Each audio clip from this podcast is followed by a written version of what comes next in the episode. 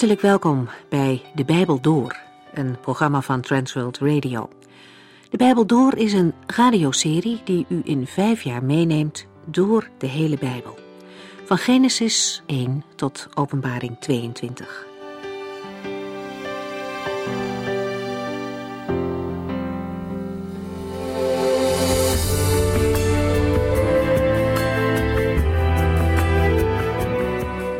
De vorige keer hebben we in de Bijbel door meegekeken bij een vergadering in Jeruzalem van de oudsten en apostelen. Nu het evangelie ook onder de heidenen veel weerklank vond, kwamen er nieuwe vragen op bij de Joodse christenen. Want gold de wet die de Heer aan Mozes had gegeven ook voor de niet-Joden die tot geloof kwamen? En moesten zij zich voortaan ook aan de voorschriften houden? De Joden waren altijd opgegroeid met de gedachte dat alle mensen die de Heere wilden kennen in het Joodse volk ingelijfd moesten worden. In Handelingen 15 splitst deze vraag zich met name toe op het punt van de besnijdenis. Dat was het teken van het verbond tussen God en Israël. En gold dat verbond nu ook voor de christenen uit andere volken? In Antiochië komt een aantal broeders uit Judea vertellen dat de besnijdenis ook in het nieuwe verbond noodzakelijk is om gered te worden. En dat tast de kern van het evangelie aan. Want mensen worden niet gered door het houden van de wet, maar door de genade van Christus. Paulus en Barnabas verzetten zich heftig tegen hun broeders, omdat het verlossingswerk van Christus op het spel staat. Het nieuws over dit probleem bereikt ook de gemeente in Jeruzalem. En de apostelen moeten nu handelen. Wat voor lijn moet er worden gevolgd?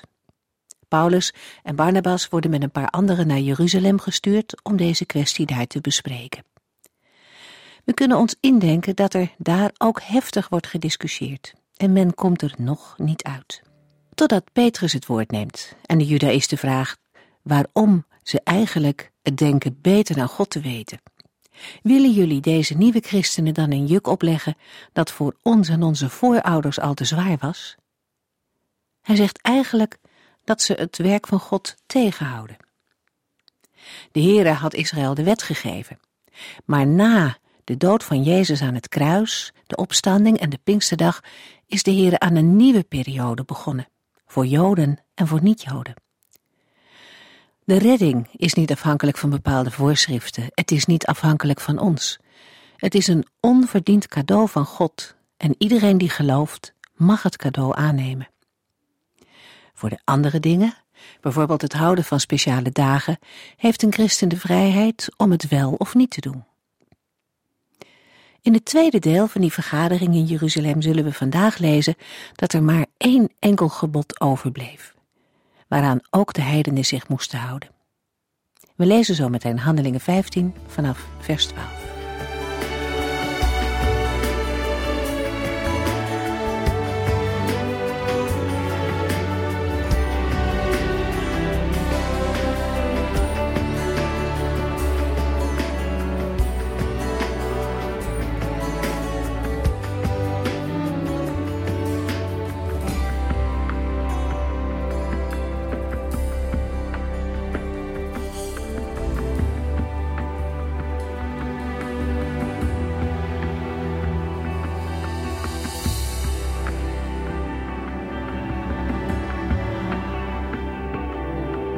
De vorige uitzending hebben we gelezen hoe Petrus het apostelconvent in Jeruzalem heeft toegesproken. Hij heeft zijn medebroeders en de andere gemeenteleden erop gewezen dat deze zaak al veel eerder aan de orde is geweest en dat het eigenlijk niet nodig is om daar nu nog eens opnieuw over te discussiëren.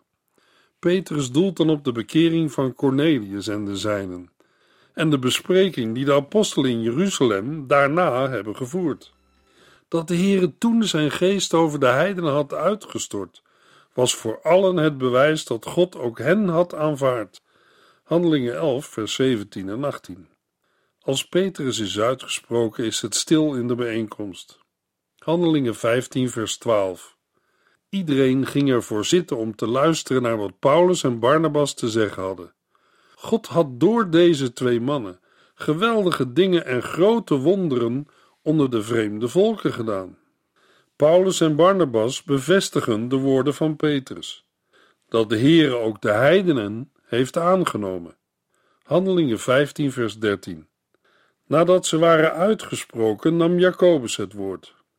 De Jacobus die hier wordt bedoeld is de halfbroer van de Heer Jezus, leider van de gemeente in Jeruzalem en dezelfde die de brief van Jacobus schreef. Hij vertegenwoordigde de Joodse, meer wetsgezinde gelovigen. Gelaten 2 vers 12. In de traditie staat Jacobus bekend als een vroom man, met eelt op zijn knieën vanwege zijn vele bidden op het tempelplein. Als leider van de gemeente in Jeruzalem werd hij rond 61 na Christus gearresteerd in opdracht van de hoge priester Ananias en op beschuldiging van overtreding van de wet van Mozes gestenigd. Handelingen 15 vers 14 Petrus heeft ons verteld hoe God voor het eerst mensen van een ander volk benaderde om hen tot zijn volk te maken. Eerst vat Jacobus de woorden van Petrus samen. Beide mannen moeten elkaar al tijdens het leven van Jezus hebben gekend. Door nu ook de gelovigen uit de heidenen met zijn volk aan te duiden, doorbreekt Jacobus de Joodse opvatting om alleen zichzelf als volk van God te zien. Het geloof in Jezus Christus overschrijdt de grenzen van Israël. De Heere bezoekt de heidenen om uit hen zich een volk voor zijn naam te verzamelen. We lezen in het Bijbelboek Openbaring dat er mensen uit elke stam, taal, volk en natie voor de troon van God zullen staan. Het woord van de Heere moet uitgaan in de wereld. Ja, daar zal verzet tegen zijn. Er zal afval zijn. Maar het woord van God zal uitgaan naar de verste uithoeken van de wereld, omdat de Heere uit de wereld een volk voor zijn naam roept. Luisteraar, helpt u al mee aan de wereldwijde verkondiging van het evangelie?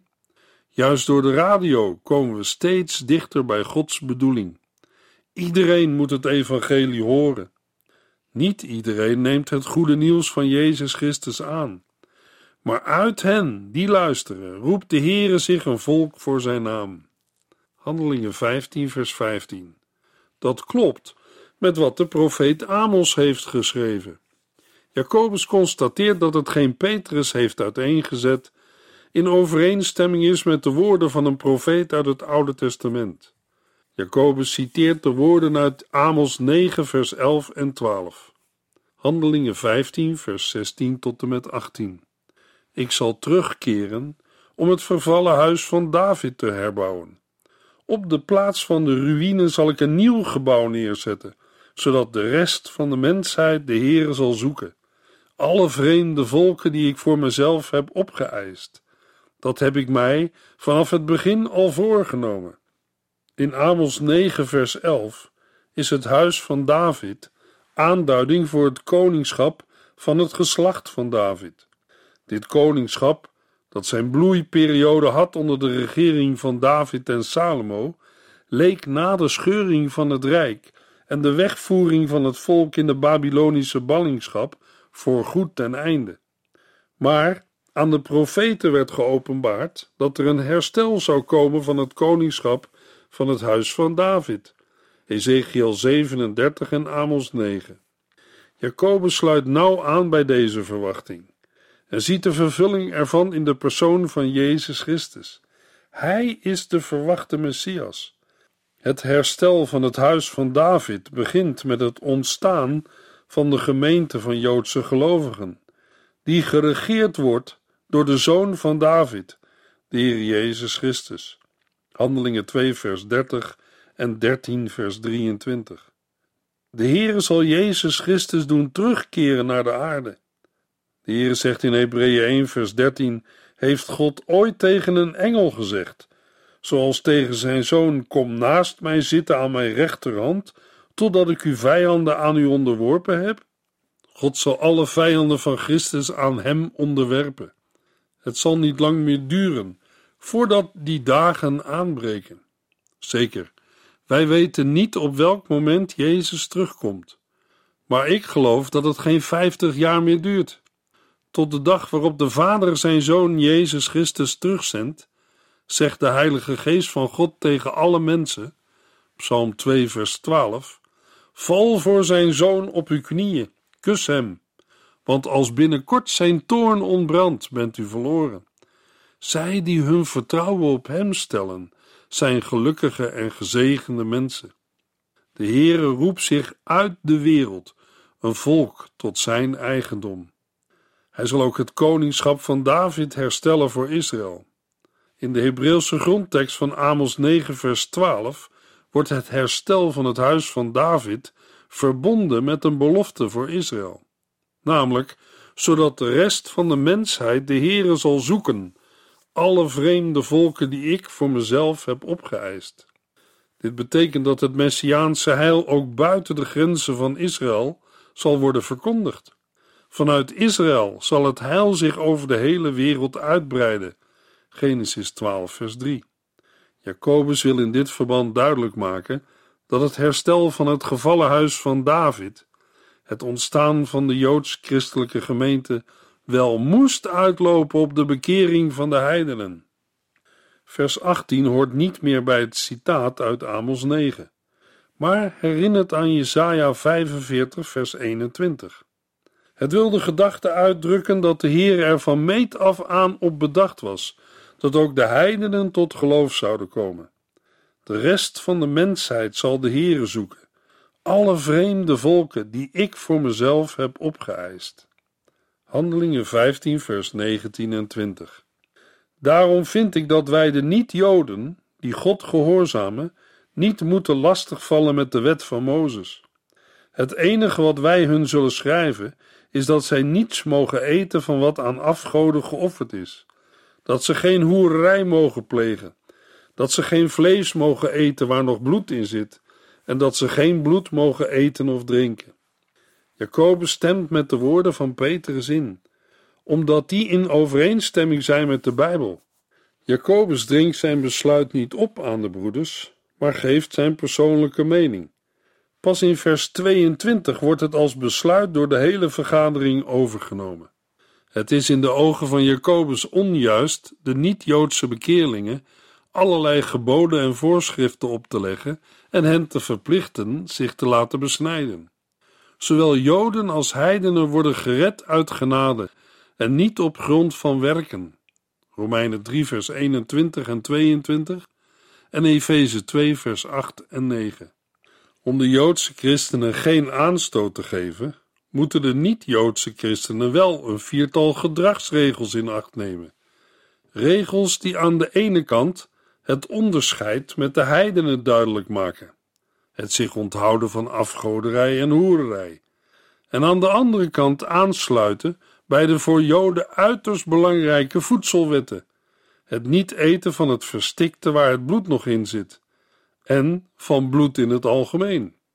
Het eerste, niets eten van wat aan de afgoden is geofferd, komt in vers 29 nog een keer aan de orde. Het gaat om het eten van offervlees dat in de tempel geofferd was. Voor een Jood betekende dat gemeenschap met de afgoden, waardoor hij verontreinigd raakte. Exodus 34. In de praktijk werd alleen een klein deel van het offerdier werkelijk geofferd, verbrand. De rest werd dan later op de markt of via slagerijen verkocht, waarbij de opbrengst ten goede kwam aan de afgodentempel. Het tweede, geen hoererij plegen, heeft betrekking op elke onwettige seksuele relatie. In de rabbijnse literatuur wordt hoererij ook in verband gebracht met de in Leviticus 18 verboden vormen van geslachtsgemeenschap en huwelijken. De niet-Joodse gelovigen werd gevraagd zich aan de hoge Joodse huwelijksmoraal te houden. Het derde is geen vlees eten waar nog bloed in zit. Bedoeld wordt het vlees van dieren die door verstikking gedood zijn en waarvan het bloed nog niet is afgevloeid. Leviticus 17. Het vierde dat ze geen bloed mogen eten of drinken sluit aan bij het verbod op het verstikte en verbiedt het eten van bloed in het algemeen. Leviticus 3 en Deuteronomium 12. De Joodse afkeer van het eten van bloed heeft te maken met de opvatting dat de ziel, dat wil zeggen het leven, in het bloed is. Genesis 9, vers 4 en Deuteronomium 12, vers 23 en 24. Het is belangrijk om de specifieke achtergrond van deze vier punten goed in het oog te houden. Het gaat niet om een nieuwtestamentische tegenhanger van de tien geboden, en dan speciaal voor heidenen, maar om een viertal omgangsregels ter wille van de joods-christelijke broeders. Romeinen 14 en 1 Corinthiërs 8. Naarmate de tijd vorderde en de niet-Joodse christenen de overhand kregen, raakte het probleem steeds meer op de achtergrond. Handelingen 15, vers 21. Want sinds jaar en dag zijn er in alle steden mensen die de wet van Mozes bekendmaken. Elke sabbat wordt de wet in de synagoge voorgelezen. Aanvankelijk kwamen de gelovigen die Jezus als de Messias aanvaard hadden, nog gewoon samen met de Joden in de synagoge en niet-Joodse bekeerlingen voegden zich bij hen. Pas later begonnen de christenen zich langzamerhand af te zonderen van de synagoge en op eigen plaatsen samen te komen. Handelingen 18 en 19. Het groeiende aantal niet-Joden in de gemeente bracht eigen problemen met zich mee. Het gedrag van de niet-Joden was voor de strenge, wetsgetrouwe Joodse christenen een bron van ergernis. Iedere keer wanneer de wet van Mozes werd voorgelezen, werden zij bepaald bij wetten en voorschriften die niet-Joodse gelovigen niet in acht namen. Voor Jacobus is dit dan ook het motief om de niet-Joodse christenen te vragen de gevoelens van de Joodse christenen te respecteren en de vier genoemde omgangsregels in acht te nemen. Een mogelijk andere verklaring van vers 21 is deze: door middel van de prediking van de wetten van Mozes, sinds jaar en dag en in iedere stad, zijn de mensen niet tot bekering gekomen en is de belofte van Amos 9 niet vervuld. Nu, door de prediking van het geloof in de Heer Jezus, gaat deze profetie over een volk van God uit de heidenen wel in vervulling. Van daaruit is het dan ook duidelijk dat er dan ook niet meer gevraagd moet worden dan het noodzakelijke. Handelingen 15, vers 22 en 23. Toen besloten de apostelen en de leiders enkele uit hun midden met Paulus en Barnabas mee te sturen naar Antiochië. De hele gemeente was het daarmee eens. Degenen die daarvoor werden uitgekozen waren Judas, die ook wel Barsabbas werd genoemd, en Silas. Twee mannen die een belangrijke plaats in de gemeente hadden. Zij kregen een brief mee waarin stond: Beste broeders en zusters in Antiochië, Syrië en Cilicië. Het voorstel van Jacobus vindt algemene instemming en daarom wordt er besloten een afvaardiging naar Antiochië te sturen, om het besluit mee te delen en het mondeling toe te lichten. Het besluit wordt niet door de leiders alleen genomen, maar, schrijft Lucas, de hele gemeente was het daarmee eens. Er wordt ook besloten om vertegenwoordigers van de gemeente in Jeruzalem mee te sturen. Paulus en Barnabas zullen vergezeld worden door Judas, die ook wel Barsabbas werd genoemd, en Silas. Lucas noemt hen twee mannen die een belangrijke plaats in de gemeente hadden. Beiden zijn profeten, vers 32. De bijnaam Barsabbas, letterlijk zoon van de Sabbat, betekent in het algemeen dat de drager van die naam op een sabbat is geboren. Silas is een verkorte vorm van het Latijnse Silvanus. Hij is de latere metgezel van Paulus en medewerker van Petrus, 1 Petrus 5. Dat de brief meer is dan alleen een gelegenheidsschrijven, waarmee men een plaatselijk probleem, de spanning in Antiochië, wil oplossen, blijkt uit de adressering. Het schrijven is niet alleen gericht aan de gemeente van Antiochië, maar ook aan de andere gemeenten in Syrië en Cilicië en volgens Handelingen 16 vers 4 voor alle niet-Joodse christenen bedoeld. Handelingen 21 vers 25. De in de brief genoemde beslissingen beogen dan ook een oplossing voor een algemeen probleem, namelijk de onderlinge verhoudingen tussen Joden en heidenen. De brief volgt de gebruikelijke aanhef: eerst de schrijvers, dan de lezers en tenslotte de groet. Afzenders van de brief zijn de apostelen, de leiders en de hele gemeente van Jeruzalem. Nu volgt de tekst van de brief. Handelingen 15, vers 24 tot en met 29. We hebben gehoord dat er bij u, die niet van Joodse afkomst bent, grote opschudding en onzekerheid is ontstaan door wat sommigen van ons u hebben verteld. Wel, dat hebben zij niet in onze opdracht gedaan. Daarom leek het ons goed twee mannen uit te kiezen en naar u toe te sturen, samen met onze vrienden Barnabas en Paulus, die hun leven voor de naam van onze Heer Jezus Christus op het spel hebben gezet. De twee mannen die wij sturen zijn Judas en Silas. Zij zullen u vertellen wat wij besloten hebben. De Heilige Geest en wij hebben namelijk besloten u geen verdere verplichtingen op te leggen dan deze noodzakelijke dingen. Eet niets van wat aan de afgoden geofferd is. Eet of drink geen bloed. Eet geen vlees waar nog bloed in zit. En pleeg geen hoererij. Als u zich daaraan houdt, is het goed. Wij wensen u het allerbeste. De brief begint met het noemen van de aanleiding tot het schrijven en grijpt terug op de in vers 1 genoemde gebeurtenissen. De aanduiding sommige van ons wordt in de brief niet verder uitgewerkt, maar aan de gelovigen van Antiochië zal het duidelijk zijn geweest wie ermee worden bedoeld. De in vers 1 en 5 genoemde Judaïsten. De woorden dat hebben zij niet in onze opdracht gedaan, moeten een misverstand uit de weg ruimen dat mogelijk in Antiochië is ontstaan. De bedoelde mannen hebben op eigen initiatief gehandeld en vertegenwoordigden in ieder geval niet de officiële leer van de apostelen.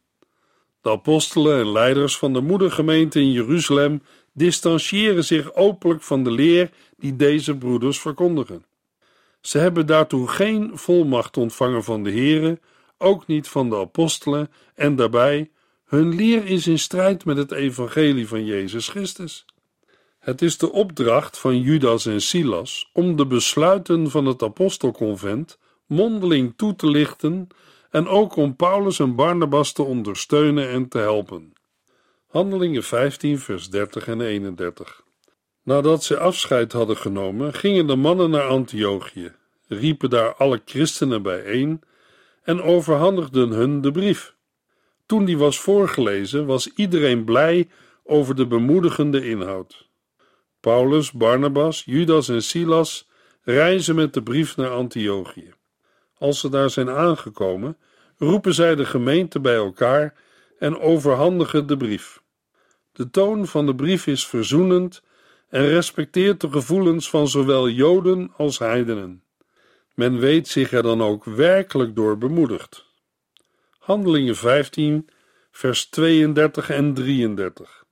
Daarna hielden Judas en Silas, die profeten waren, allebei een lange toespraak. De christenen werden daardoor bemoedigd en versterkt in hun geloof. Judas en Silas bleven er nog een hele tijd, waarna de gelovigen hen lieten gaan met een vredesgroet voor degene die hen gestuurd hadden.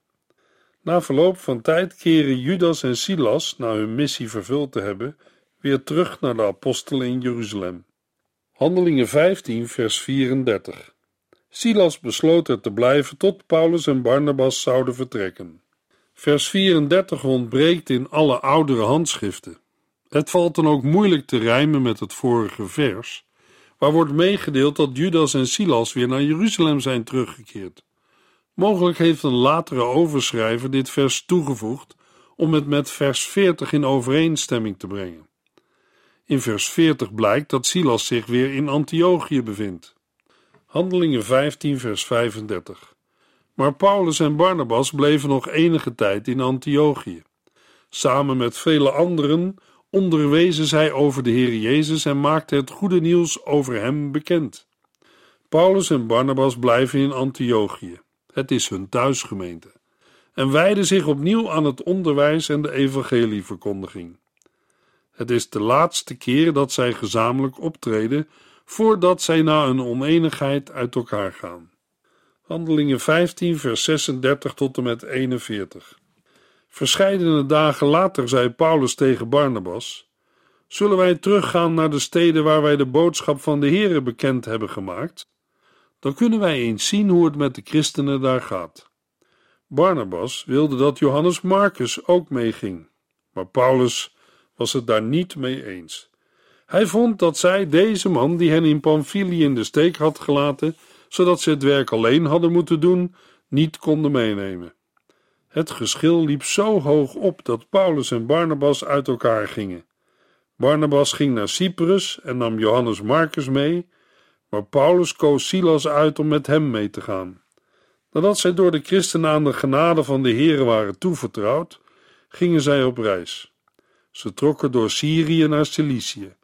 Onderweg sterkten zij de christengemeente in hun geloof. Na verloop van tijd stelt Paulus Barnabas voor opnieuw op reis te gaan. Het ligt daarbij in Paulus' bedoeling alleen die steden op te zoeken waar zij eerder het woord verkondigd hadden. Dat uit deze nazorgreis een tweede zendingsreis groeit, was door Paulus eerst niet gepland, maar werd uiteindelijk wel zo geleid door het ingrijpen van de Heilige Geest. Barnabas stelt voor om ook Johannes Marcus mee te nemen op deze reis. Maar Paulus is van mening dat iemand die hen op de vorige reis in de steek heeft gelaten, niet meer mee kan.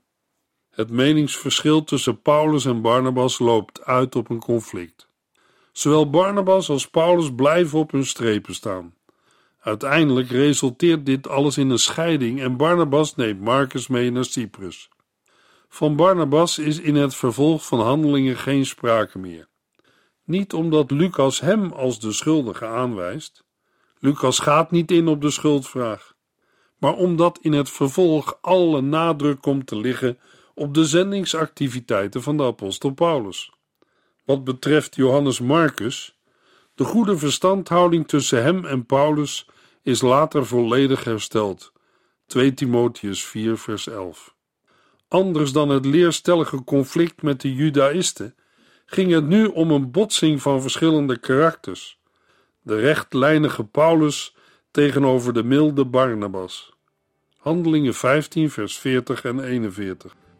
Paulus koos Silas uit om met hem mee te gaan.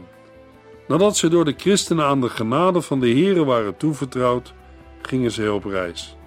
Zij trokken door Syrië naar Cilicië. Onderweg sterkten zij de christengemeente in hun geloof. In de volgende uitzending lezen we Handelingen 16.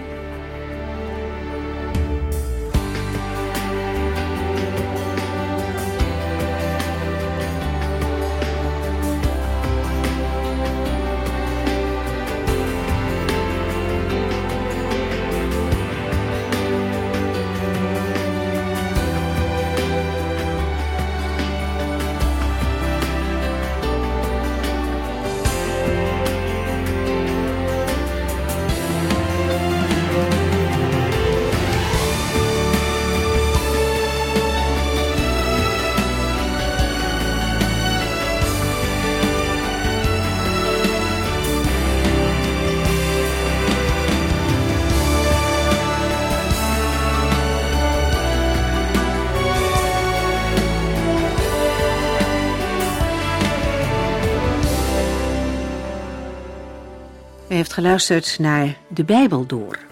In het Nederlands vertaald en bewerkt door Transworld Radio. Een programma waarin we in vijf jaar tijd de hele Bijbel doorgaan. Als u wilt reageren op deze uitzending of u heeft vragen, dan kunt u contact met ons opnemen. Tijdens kantooruren kunt u bellen op 0342 47 8432. 0342 47 8432. 32. Ook kunt u een e-mail sturen naar de Bijbel door transworldradio.nl en natuurlijk kunt u ook via de post ons bereiken. TWR, postbus 371, postcode 3770, AJ in Barneveld. Dit programma werd gepresenteerd door Cor Weda en Ike André. Techniek was in handen van Odin van Woerdekom. En wij allemaal bedanken u voor het luisteren. Graag tot de volgende keer.